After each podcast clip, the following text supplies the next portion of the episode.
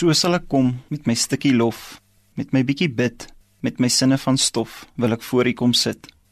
Met vandag se leef en môre se dood, met my regheid en skeef, met my honger en brood. So sal ek kom as ek kom om te juig, dankbaar en dom sal ek nederig buig.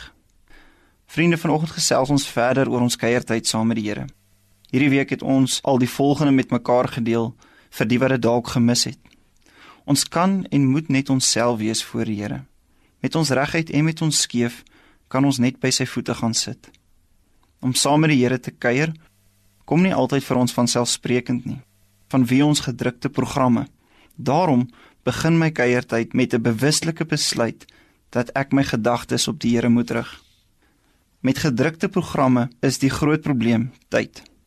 Ons moet 'n vaste afspraak maak om saam met die Here te kuier want dit help ons dat ons saamkuier met hom 'n tweede natuur word soos om op jou foon te kyk. En dan kom mens al meer agter alle tyd was en is God se tyd en kyk ek anders daarna. Die ruimte waar ek saam die Here kuier is net so belangrik want dit bepaal die gemoed waarmee ons saam kuier.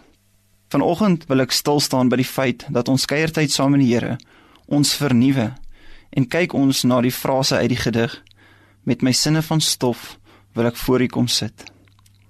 Baie keer wonder ons, maar is my woorde voor die Here nie maar net stof in die wind nie? Dit kan en moet nie wees nie. Kuiertyd saam met die Here lei tot verandering. In 2 Korintiërs 5:17 lees ons: Iemand wat aan Christus behoort, is 'n nuwe mens. Die ou is verby, die nuwe het gekom.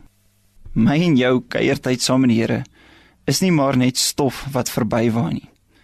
Dit is nuwe moontlikhede aan die gebeur. Dit is die aanbreek van 'n nuwe seisoen. Daarom, soos jy vandag saam met die Here kuier in jou kar, by jou huis of in die kantoor, kan jy uitsien na dit wat kan kom. Dit is uit die tyd waar ons deur ons worsteling met die vrae kan werk en hy ons help om nie daarna te kyk nie.